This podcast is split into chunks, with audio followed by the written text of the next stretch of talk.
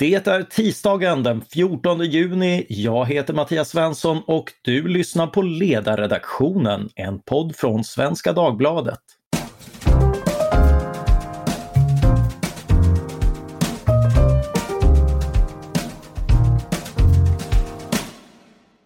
Dagens ämne är Sveriges psykedeliska historia.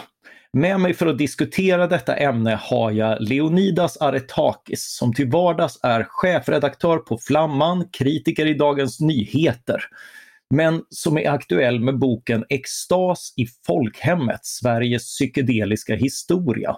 Välkommen! Tack så mycket! Hur kommer man på att skriva en sån här bok? Ja, eh, men extasen och folkhemmet är ju inte två ord som man kanske förväntar sig i samma mening. Jag gjorde en sån, Nej. Jag gjorde en sån sökning i, i Libris, eh, i KBs arkiv och jag hittade liksom inga, inga träffar på den meningen. Så liksom, men jag kände så att svenskhet är ju något som så diskuteras otroligt mycket just nu. Och vi beskrivs ofta som ett så kalkylerat och kyligt, kanske till och med, ingenjörsfolk. Och ja, men hela landet blev till sig av att vår talman gillar att äta kakor. Och då känns det så här, då känns det rätt långt till de här dionysiska skogsfesterna med djurmasker under månskenet och så här. Men även om jag tycker att det ligger en del i den gängse beskrivningen av de, det här förnuftiga nordiska folket och stillsamma folket, så tyckte jag ändå att bilden behövde kompletteras. Och jag, jag, jag hittade liksom ett annat stråk i Sveriges historia som går väldigt långt tillbaka.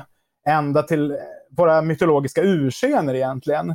Alltså I boken går jag ända tillbaka till berättelsen i Havamal, alltså Höga visan i Eddan, där Odin hittar runorna. Och det är en så grundläggande berättelse i, i fornnordisk historia. Och han sticker ett spjut i magen, han hänger upp och ner i ett träd i nio dygn. Och så ser han de här krumelurerna glimra ner på marken och han samlar ihop dem och han lär sig då inte bara att läsa och skriva, utan han lär sig att förstå och tala med universum och andevärlden.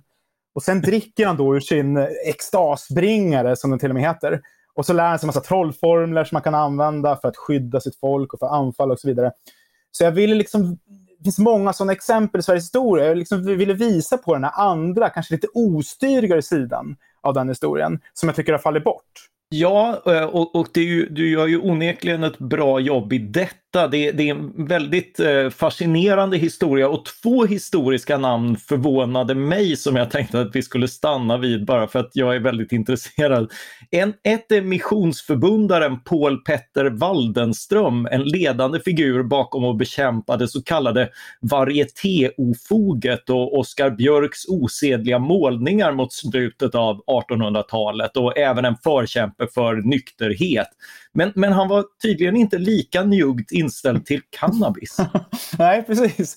Eh, han, han lanserade ju till och med 1890 en så cannabisbaserad alternativmedicin som kallades för, som kallades för den Waldenströmska vällingen.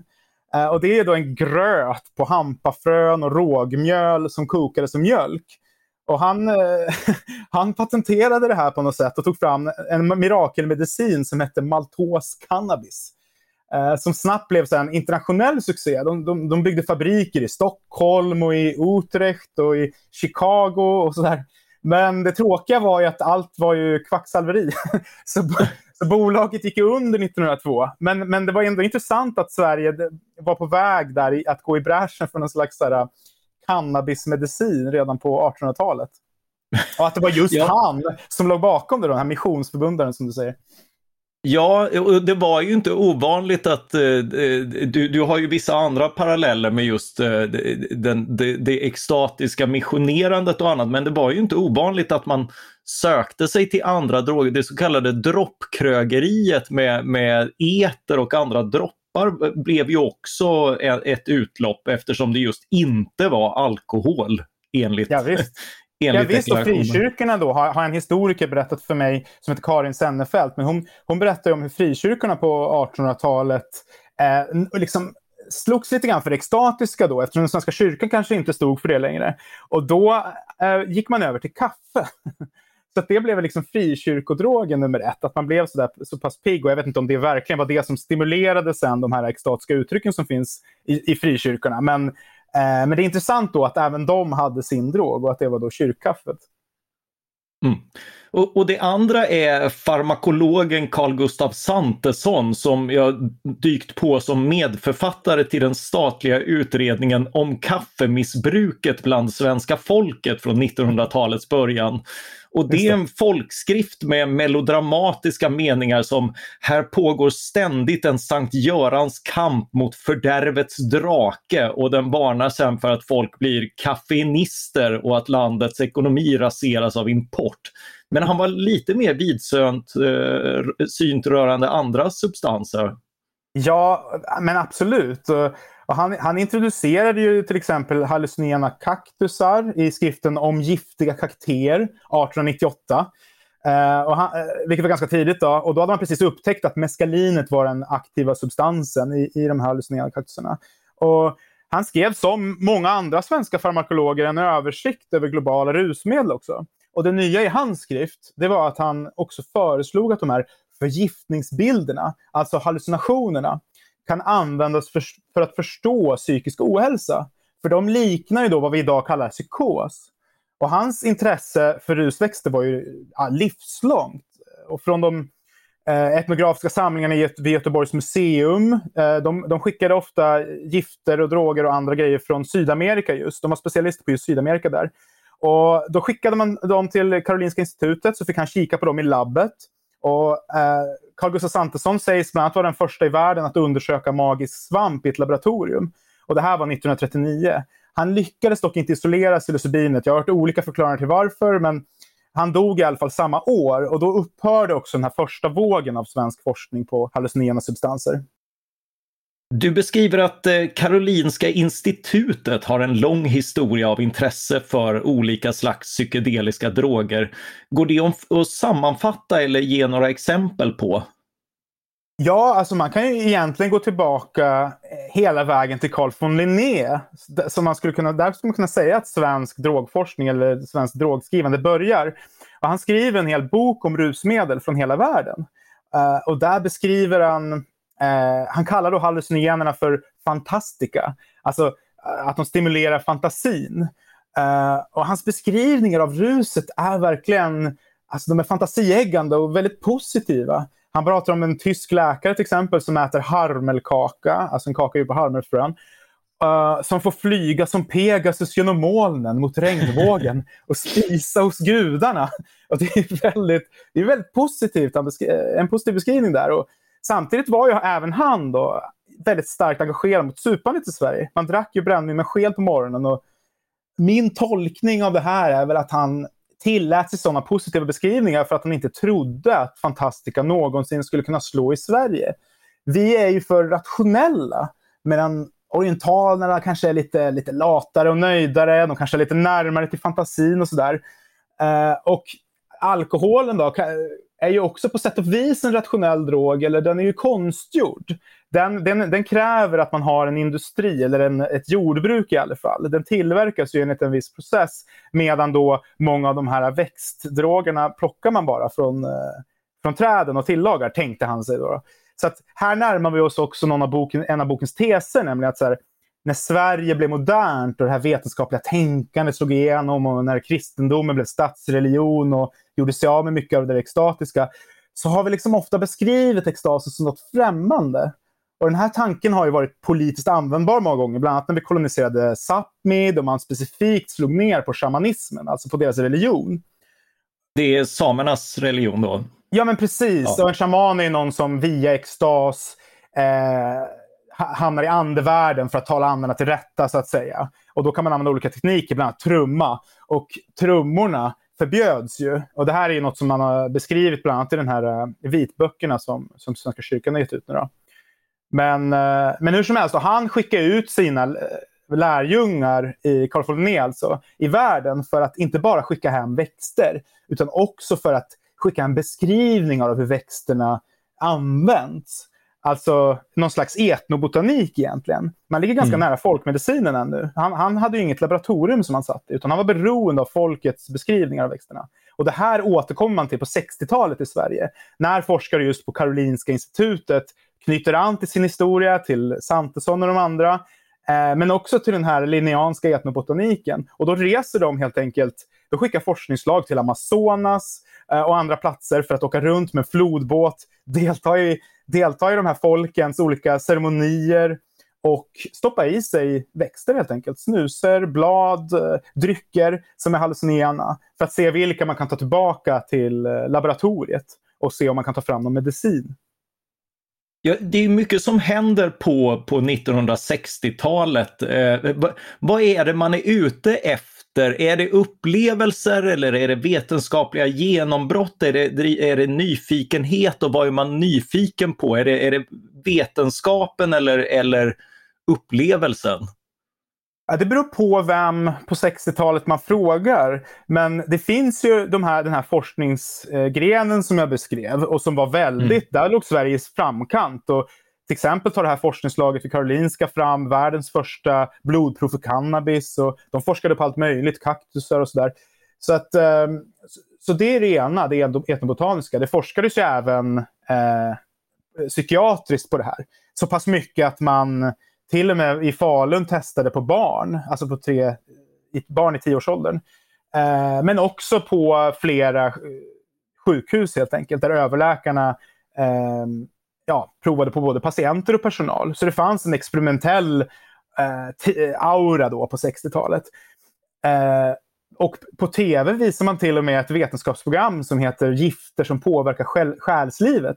Och det var Bengt Feldreich och Ingmar Leijonborg som ligger bakom det här. och det här är 1965 då. De injicerar ju den hallucinogena drogen DMT i en apotekarstudent och visar det här ruset på bästa sändningstid. Det är deras stora vetenskapssatsning just då.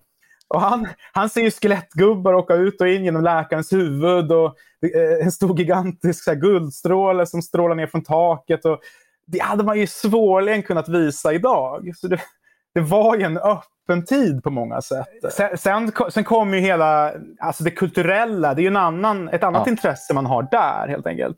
Alltså konstnärer, jazzmusiker. Det är sådana som börjar få upp ögonen för substanserna. Och jag skriver bland annat om Öyvind Fahlström, efterkrigstidens kanske mest inflytelserika svenska konstnär, som i Dagens Nyheter i ett tiotal artiklar prisar LSD och andra sådana här psykedeliska substanser. Man kan också nämna Björn Netz, en skicklig jazzmusiker som börjar forska på LSD för militärens räkning. Och då finns det det militära intresset där. Han ska se om substansen kan användas som förhörsverktyg i krig. Men han inkluderar ju sina vänner i konstigaste i de här experimenten. Och han tar med sig LSD nu ut på turné och hem till köksbordet och ja, men tänder på kulturvärlden helt enkelt. Så det finns ju hela tiden det här läckaget mellan laboratoriet och kulturen. Och ibland är det väldigt svårt att dra gränsen däremellan. Ja, du, du är verkligen inne på och, och det finns en, eh, en, en amerikansk och svensk koppling mellan just inte bara vetenskap och kultur utan militär och kultur här. Ja, men gud ja. Eh, och i USA, man vet ju, man anar att de, de forskar mycket på det. Och det går ju tillbaka ända till nazisterna. Alltså, LSD är ju en potentiell eh, liksom, tortyrdrog egentligen. Man, man forskade på, på Dachau till exempel. I, alltså tyskarna forskade på det under 30-talet. På eh, meskalin var det då, alltså hallucinogena kaktusar. Och CIA i USA, de genomför ju alltså, otroligt eh, våghalsexperiment. De ger ju LSD till den egna personalen. De sätter upp bordeller eh, i Kalifornien där de har liksom väggar med spegelglas. Så att de, de ser till liksom att eh, lura dit män som där får sp dryck spetsad med LSD. Och så tittar de bara på vad, de, vad som händer framför dem. Eh, så, så väldigt... fluktande med droger som militär, som övervakning. Ja, ja.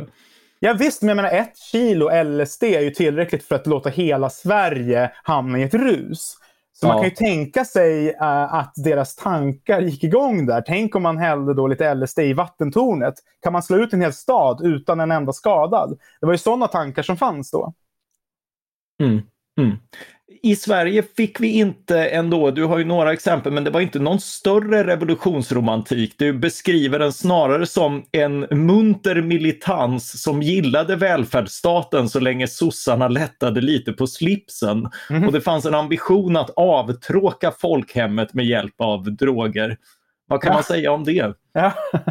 Nej, men I Sverige, det, det, det är väl åren liksom 65-67 är det väl en psykedeliska rörelsen i Sverige som starkast. Då. Och den är ju skapligt vänster, och, om än kanske frihetligt vänster. Men man tyckte väl att folkhemmet var ju, det var ju bra med rättvisan och det där, men det var lite trist. Eh, och avtrycka folkhemmet är ju Övin Fahlströms eh, formulering. Då. Jag, menar, jag är en vän av funktionalismen och sådär, det kan man ju diskutera fram och tillbaka, men som stadsplanering var det ju rätt tråkigt. Man skulle bo här, jobba där, roa sig där och så vidare. Allt var utspritt och segmenterat. Och, eh, Öyvind Fahlström och de andra ville ju att folkhemmet skulle vara, liksom, lämna utrymme även för det oväntade, för leken och ja, för extasen helt enkelt. Och dessutom var han ju marxist och de stora frågorna då för honom var avkoloniseringen, Vietnamkriget, och han såg både i den här lekfulla konsten som han själv gjorde, den här popkonsten eller eh, de här happenings, alltså teateruppsättningar som är väldigt spontana och involverar publiken, eh, i serieteckning, i jazz och sådär. Och ett kort tag även då i LSD så såg han olika tekniker för att liksom få betraktaren eller deltagaren att skifta sitt medvetande. Och det var inte som idag kanske framförallt är att det är individualistiskt självutvecklande. Utan det var att förändra medvetandet för att tillsammans tänka oss världen på ett annat sätt. Han ville bort från kalla krigets låsningar och att vi skulle liksom tänka oss hur ett annat samhälle skulle kunna se ut. Och då var LSD en del av ja, flera verktyg helt enkelt. Mm. Och, och, ändå blir det en dramatisk backlash från den här ganska eh, prövande med, med vetenskapliga hängslen eller vad man ska säga. Hur, hur kommer det sig? Vad, vad, är det som går snett och, och, och vad förklarar att det blir en, en så eh, unison motreaktion att det idag skulle vara otänkbart med den typen av fördomsfritt prövande i tv till exempel? Ja, jag tror att det framför allt är två saker. Um, dels uh, hade det skett en del skandaler inom experimentell psykiatri som man på 60-talet hade färskt i minnet. Dels hade vi eh, Sven-Erik Åströms legalförskrivningar kallas det. Det var ett program där man lät substansberoende människor själva dosera sin, mm. eh, ja, sina droger helt enkelt. Som, så att man skulle kunna fokusera på annat i livet. Alltså skaffa ett jobb och plugga och vad det var. Att inte all tid gick åt till det. Så det fanns en väldigt förstående och liksom humanistisk eh, tanke bakom det. Men det blev lite skandalöst, särskilt när det var någon av de här som var involverade i programmet som dog. Och det här, är ju mycket, det här programmet är ju viktigt sen för de som argumenterar för en eh, striktare narkotik politik. Bland annat Nils Beirut som är ganska känd för det. Han skriver sin avhandling om just de här legalförskrivningarna. Sen fanns också Neurosedyn-skandalen som var ja, en medicin för gravida, eh, sömnmedel tror jag var. Och, och, och, det visade sig sen att barn föddes med liksom, grova missbildningar. Och de här bilderna satt ju på folks ögon. Så det fanns flera sådana saker som var liksom helt enkelt medicinska skandaler. Och sen så var det ungdomsbruket av narkotika. Och då fanns det särskilt, blev ju den väldigt stark då, den rädslan, när liksom hippierörelsen var som störst. Och den där rädslan återfinns egentligen i, i de officiella dokumenten. Alltså när man förbjuder vissa substanser i Sverige och ända upp på FN-nivå, när man skapar de här globala drogkonventionerna, så nämns specifikt den amerikanska hippierörelsen som en, någonting man var rädd för. Att ungdomen helt skulle förloras till droger var ju rädslan om man ska säga något om, om Sverige där så är det intressant att den rädslan är lite annorlunda mot hur den till exempel var i USA. Alltså I USA var rädslan kanske framförallt konservativ. Man var rädd att de unga skulle låta håret växa och liksom vända sig mot Vietnamkriget. Och sen till slut skulle man inte ha någon armé kvar som kunde strida och sådär. Och här fanns ju den motsvarande konservativa oron också. Men politiken domineras ju framförallt av Socialdemokraterna. Och deras oro var på sätt den motsatta. Alltså de oroade sig för att ungdomen inte skulle gå ut och protestera eller delta i samhället som aktiva medborgare, utan man skulle dra sig undan från det. Så att överallt var man orolig för drogerna, från vänster till höger, men på olika sätt. Ja, det där, det där är väldigt intressant. Jag har ju tittat på dansen och när vi får det här dansbaneländet och, och oron för jazzmusik och sånt där. Och den är ju intressant att titta på på olika delar av Atlanten därför att i Europa så blir det en amerikansk invasion. Den, den är då individualistisk och därmed samhällsupplösande och, eh, och ett hot mot att ungdomar just klipper sig och gör lumpen eh, och, och är redo att gå ut och döda igen. Eh, och i USA så är man tvärtom, där ser man samma musik som främmande och europeisk därför att man går upp i ett kollektiv. Så att man jämför det där med liksom Hitlermöten och annat. Mm. Så, så det, det, är återigen samma fenomen men farhågorna är väldigt olika och, och förmodligen mer formade av ens, ens egen skräck. Ja men verkligen. Ja men i Sverige hade vi det hade vi socialdemokratin då. Jag är återigen helt för. Man gjorde ju otroliga liksom, lyft för människors eh, villkor när man byggde bostäder liksom, utifrån Alva Myrdals skrifter med flera. Sådär. Eh, men hon hade ju också den här oron för faran med gatan. Så att, visst, man gav ju liksom, jag bor ju själv i ett sånt område från den tiden, liksom folkhemstiden, eh, i, i Stockholm, då, i de här söderförorterna som man byggde. Med rinnande vatten för arbetare och allt sånt där som var otroligt, eh, otroligt bra. Men det fanns också den här oron inbyggd där för att eh, folk skulle vara ute och dansa och kanske det skulle bli ofrivilliga graviditeter och allt det där. Så det finns hela tiden den här rädslan Um, framförallt då kanske från såna här samhällsingenjörer. Uh, en rädsla för det extatiska uh, och att det finns något nästan destabiliserande i det.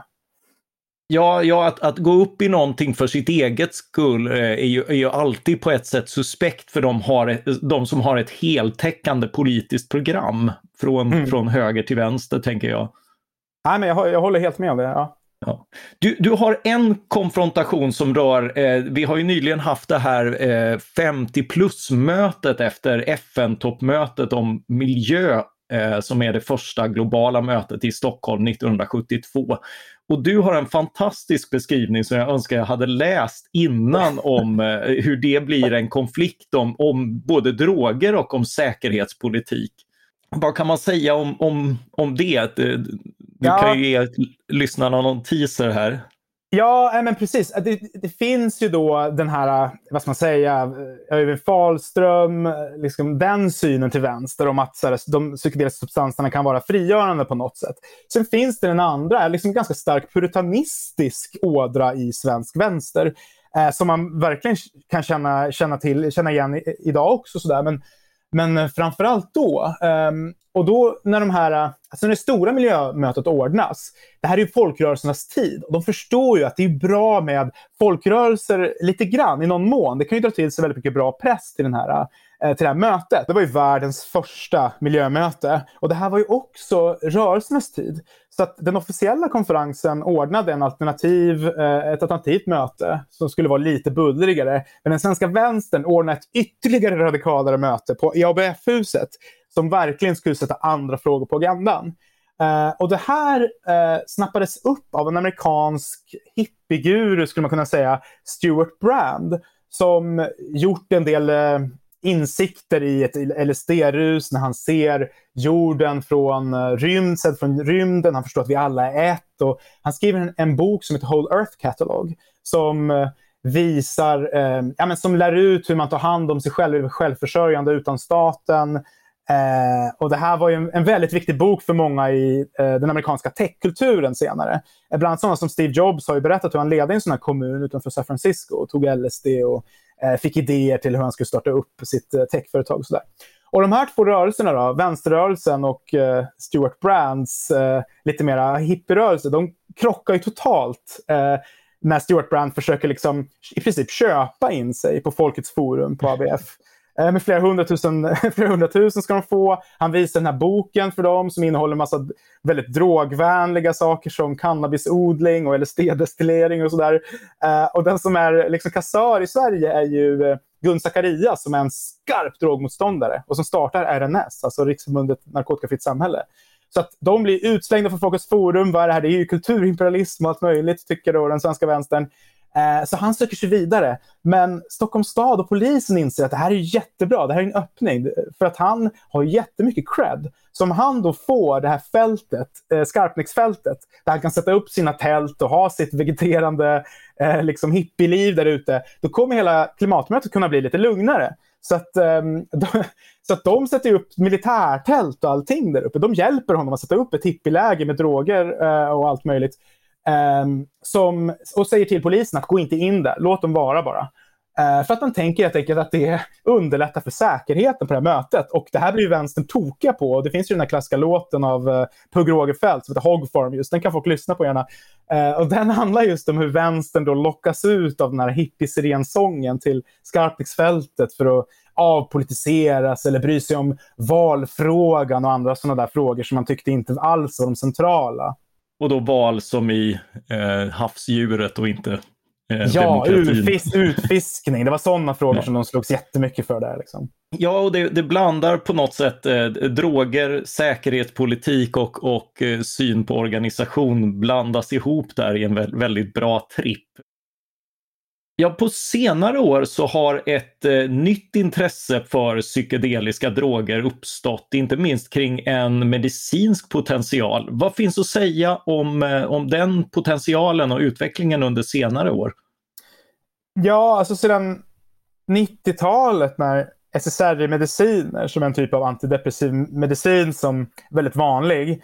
När, sen den började användas brett så har det inte kommit några nya behandlingsmetoder egentligen. Eh, åtminstone inte som uppvisar samma effektivitet. Så att när forskningen på hallucinogena substanser som ketamin och psilocybin, alltså magisk svamp, kom igång i början av 2000-talet blev forskarna naturligtvis väldigt eh, intresserade.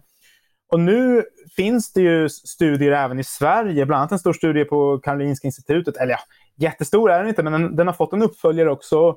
Och den handlar om just psilocybin mot depression. Då. Och ja, men som så ofta är ju resultaten väldigt lovande. Man hoppas ju bland annat att psykedeliska via den här vad ska man säga, psykosliknande effekten ska kunna så här, lösa upp invanda tankebanor. Alltså, oavsett om det gäller depression eller någon beroende av någon substans eller andra problem som handlar om att man har liksom fastnat i en berättelse om sig själv. Att de, man är kanske lite rigid, man tänker att ni, inget kan ändras, jag vet precis vad psykologen ska säga, jag vet precis vem jag är och så vidare. Och eh, om, man, om man lyckas ta fram en behandlingsmetod då, där man kombinerar kanske ett rus med eh, eh, terapeutiska samtal före och efter och så vidare. Om man lyckas ta fram en sån metod så eh, ja, det får vi se helt enkelt. Eh, när den här eh, hypen kanske har lagt sig lite grann och det börjar komma lite större studier.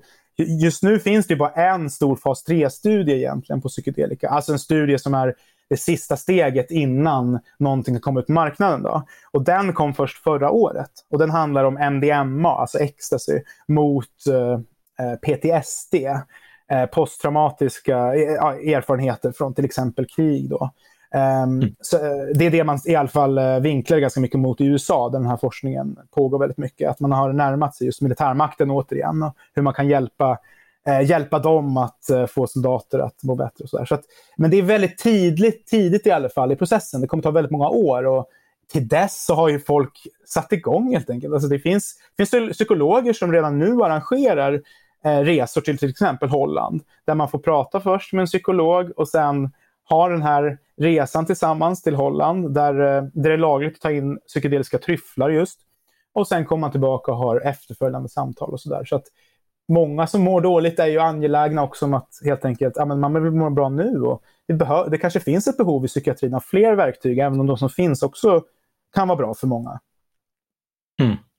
Eh, din historik eh, gör synen på psykedeliska frågor lite grann till en fråga om tolerans. Du har varit inne på det att, att eh, den svenska statens förtryck av samer eh, fick kopplingar till droger och, och schamaner och, och liknande. Och du, du, tar även upp andra marginaliserade grupper som om de inte direkt har förföljts så, så har de i alla fall varit, eh, varit illa sedda. Eh, och, och sådär. Liksom. Kan, kan man beskriva vilka, vilka grupper det är ute i samhället som historiskt sett har använts droger eh, som inte liksom i primärt eh, alltså utforskande, eh, eh, liksom medicinskt eller vetenskapligt eller militärt utforskande utan, utan personligt.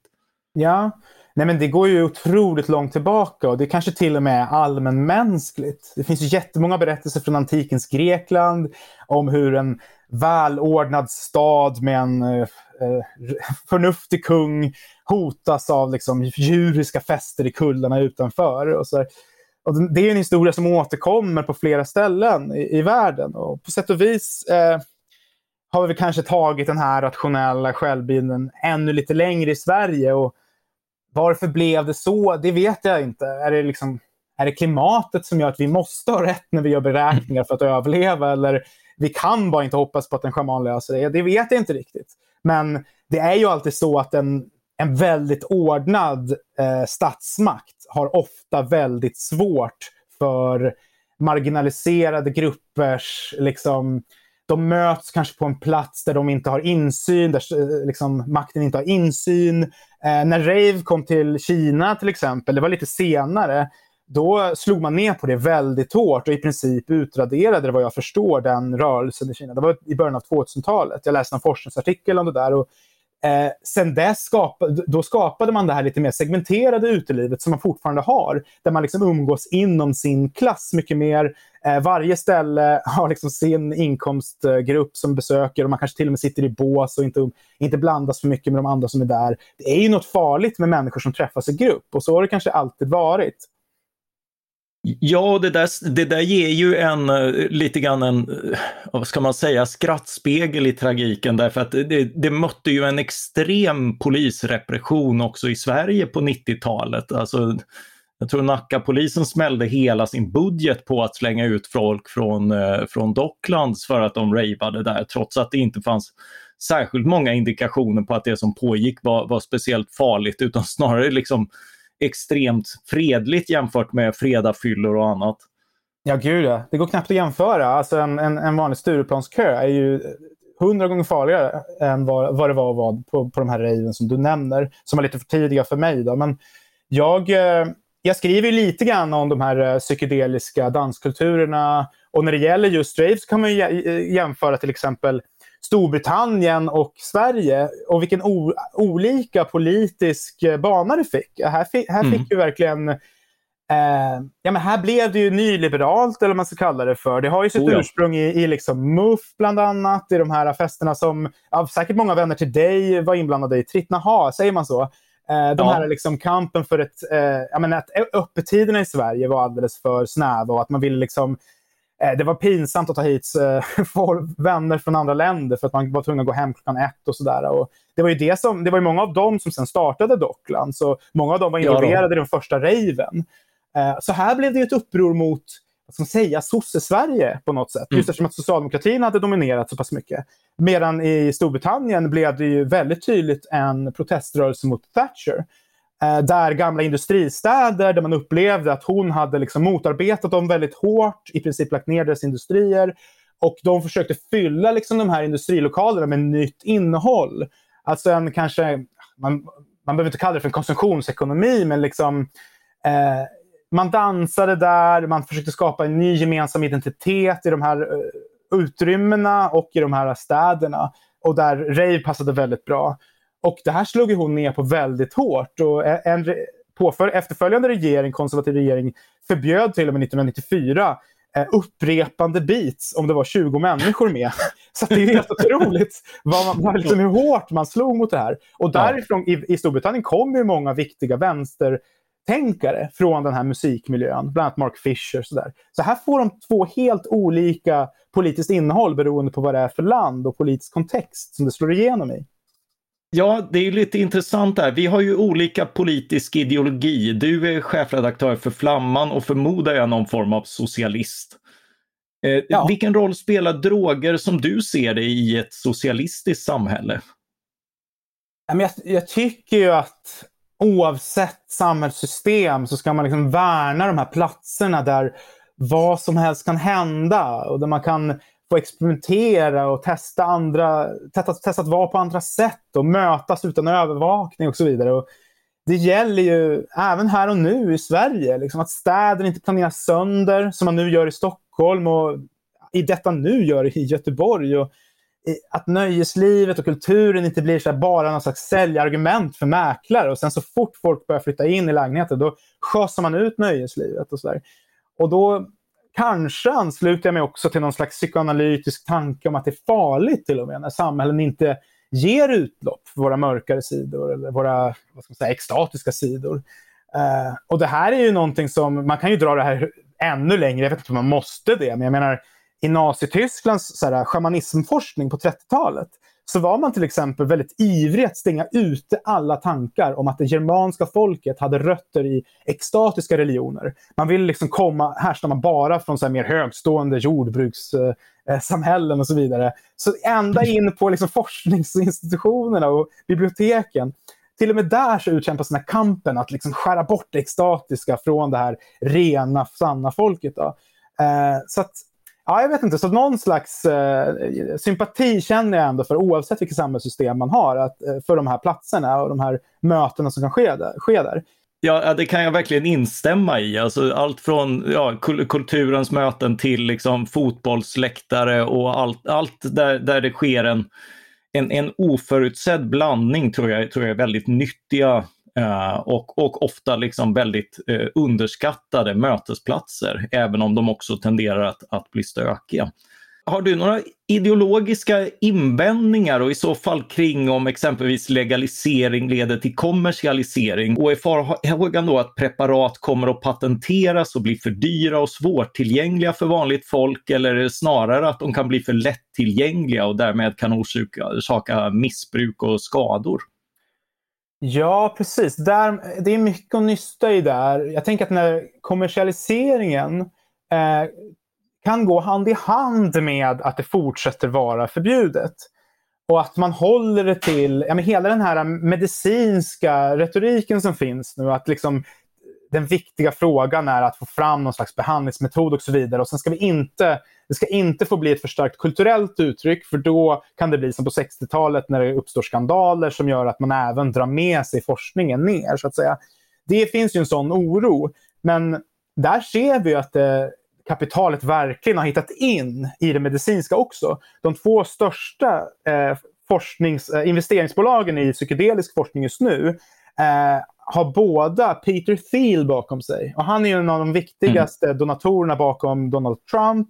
Uh, han är fortfarande i, i, samarbete med Donald Trump. Och så här. Och han fick ju väldigt många kontrakt efter Trumps valseger för sina säkerhetsbolag som heter Palantir och sådana där saker. Uh, alltså den allseende ögat i Sagan om ringen. Och han är ju med mm. och till exempel, och hans företag är till exempel med och övervakar uh, den mexikanska gränsen och sådär.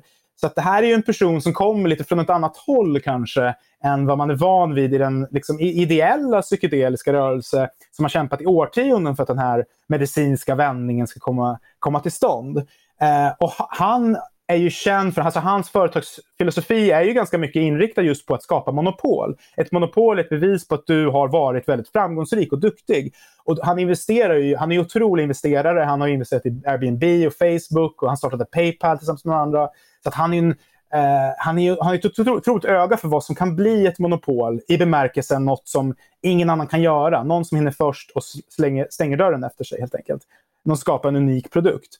Eh, och det är det han vill göra även här. Så att han har ju skapat otroliga såna patentansökningar. Eh, med liksom, han försöker ta patent på att sitta och ta eh, magisk svamp i ett eh, ja, nedsläckt rum med musik, mysmusik ungefär. Sådana där saker försöker han ta patent ja. på. Och det är helt absurt. Han kommer inte få mm. igenom det. Men han sänder en signal om att om mindre investerare ger sig in här, då kommer ni få möta mig. Då ses vi i Genève eller vad det nu är man, man ses. Och då kanske, kanske folk är rädda för att fastna i sådana där patentkrig i flera år. Mm. Eh, och kanske läggas ner till slut. Sådär. Så att, eh, det, det, finns ju redan nu. Och angående avkriminalisering och sådär, det är det är inte riktigt mitt ärende i boken att liksom, skriva så mycket om just kriminaliseringsfrågan. Men jag skulle vilja säga så här att den här mer humanistiska synen på beroende, det är en mm. klassisk socialistisk linje. på 60-talet var det vård. Det var den stora vänsterlinjen i fråga om de här substanserna. Förbuden mot bruk kom ju 1987 och det var en eftergift till högern i Sverige som hade slagits för det jättelänge och som började införa restriktioner redan efter den borgerliga valsegern 76. Så det här är, en ganska, det är mycket senare än 60-talet. Då inriktningen snarare var på att ja, men det är samhället som är sjukt, det är inte individen som är sjuk. Så att vi måste ge vård till de här människorna. Vi ska inte jaga dem med batonger. Så det är väl det jag skulle vilja säga möjligen, om jag ska säga något ideologiskt om det här. Mm. Att man kan mm. påminna Socialdemokraterna om att det här ni håller på med nu, det är en eftergift till högern, den så kallade tangopolitiken. När man liksom sossarna får vård, högern får kriminalisering och sen så blir det bara mer och mer pengar som kastas åt båda håll här. Eh, liksom... ja, jag, jag, ser ju för min, från mitt håll att liksom högern har liksom eh, tagit sin batongromantik och gift den med Nils Bejerots eh, närmast maoistiska modell av, av samhällskontroll i, i de här frågorna. Men, men ja, landar väl i mycket liknande slutsatser, inklusive farhågan för att, att patent och annat används för att inskränka snarare än, än bejaka en, en experimenterande och fri konkurrens. Nej, men jag håller med dig om det här maoistiska. Liksom att Jan Myrdal är också ett sånt exempel på någon som kallar liksom prostituerade och knarkare för lössen i den röda fanan och så vidare. Alltså att det finns en viss man, man, man idealiserar den hela och rena arbetaren. Och liksom trasproletären har, har man bara förakt för. Att det finns en sån liten ådra i en viss del av vänstern, absolut. Och det är därifrån också Nils Bejerot kommer. Så jag håller med dig eh, om det. Mm. Eh, avslutningsvis, du, du har ju själv använt en del av de här drogerna och skriver om det i boken. Eh, om, om vi kort går in på vilka dina erfarenheter är och vilken sorts människor träffar man när man gör det? Ja, alltså jag, jag försökte verkligen göra medicin och kulturhistoria och som så många säger är det ju med rus och eh, drömmar att det är inte så kul att läsa om andras eh, sådana. så att jag försökte hålla det till ett minimum mm. samtidigt som jag ändå ville så att säga, ge mig in i det själv. Det är många människor som har gett mig sina historier och berättar väldigt eh, ja, men väldigt gripande om hur de har hjälpts eller haft svåra erfarenheter eh, i psykedeliska rus och sådär. Så därför vill jag också själv på något vis eh, vara med i texten och inte bara sälja ut de andra så att säga. Um, och jag, det första jag gjorde det var egentligen i vuxen ålder. Jag hade mitt första då, min första erfarenhet och då bjöd jag hem en, en psykolog som satt med mig hela tiden. Vi hade ett, eh, ett möte innan där vi pratade och sen så satt han med mig och det var väldigt starkt rus just då. Och sen så hade vi ett efterföljande samtal och sådär. Han, han gav mig också instruktioner, sett på Sätt på lite mysig musik, eh, ha kuddar och täcke och ögonbindel och sådär. Eh, ja, släck ner lite grann. Och, ja, men det, var, det var väldigt bra. Så där. Det känns väldigt tryggt och just att man kunde vara hemma också. Så där. Och något som förvånade mig lite grann var väl att man hade ju den här bilden sen innan att eh, eh ja, men det här färgsprakande och du vet Austin Powers-känslan nästan som man har fått från mm. populärkulturen. Eh, men ja, det, det, fanns väl de inslagen helt klart. Men det fanns också något som annat som jag inte alls var beredd på. Som var hur, hur nära man kunde komma sina känslor och hur mycket man tänker på sina känslor. Alltså det är, det är någonting med vissa rum eh, som är kanske då den här psykedeliska erfarenheten eller kanske kyrkorummet till och med. Att när man kommer in i de här speciella rummen och slits bort från vardagen och normaliteten så kommer man in i något annat som kan vara väldigt bra. Och för mig är det ofta då att jag tänker på människor som är nära mig. Jag tänkte jättemycket på min dotter och på min fru och på vänner som har det svårt. Och, eh, kunde liksom låsa fast mig i sånt en halvtimme, en timme. Jag grät väldigt mycket också. Jag grät kanske någon timme i det där huset och sådär. Men det var, det var starkt och bra och produktivt. Så där. Sen, sen vet jag inte om Hjälpte det mig?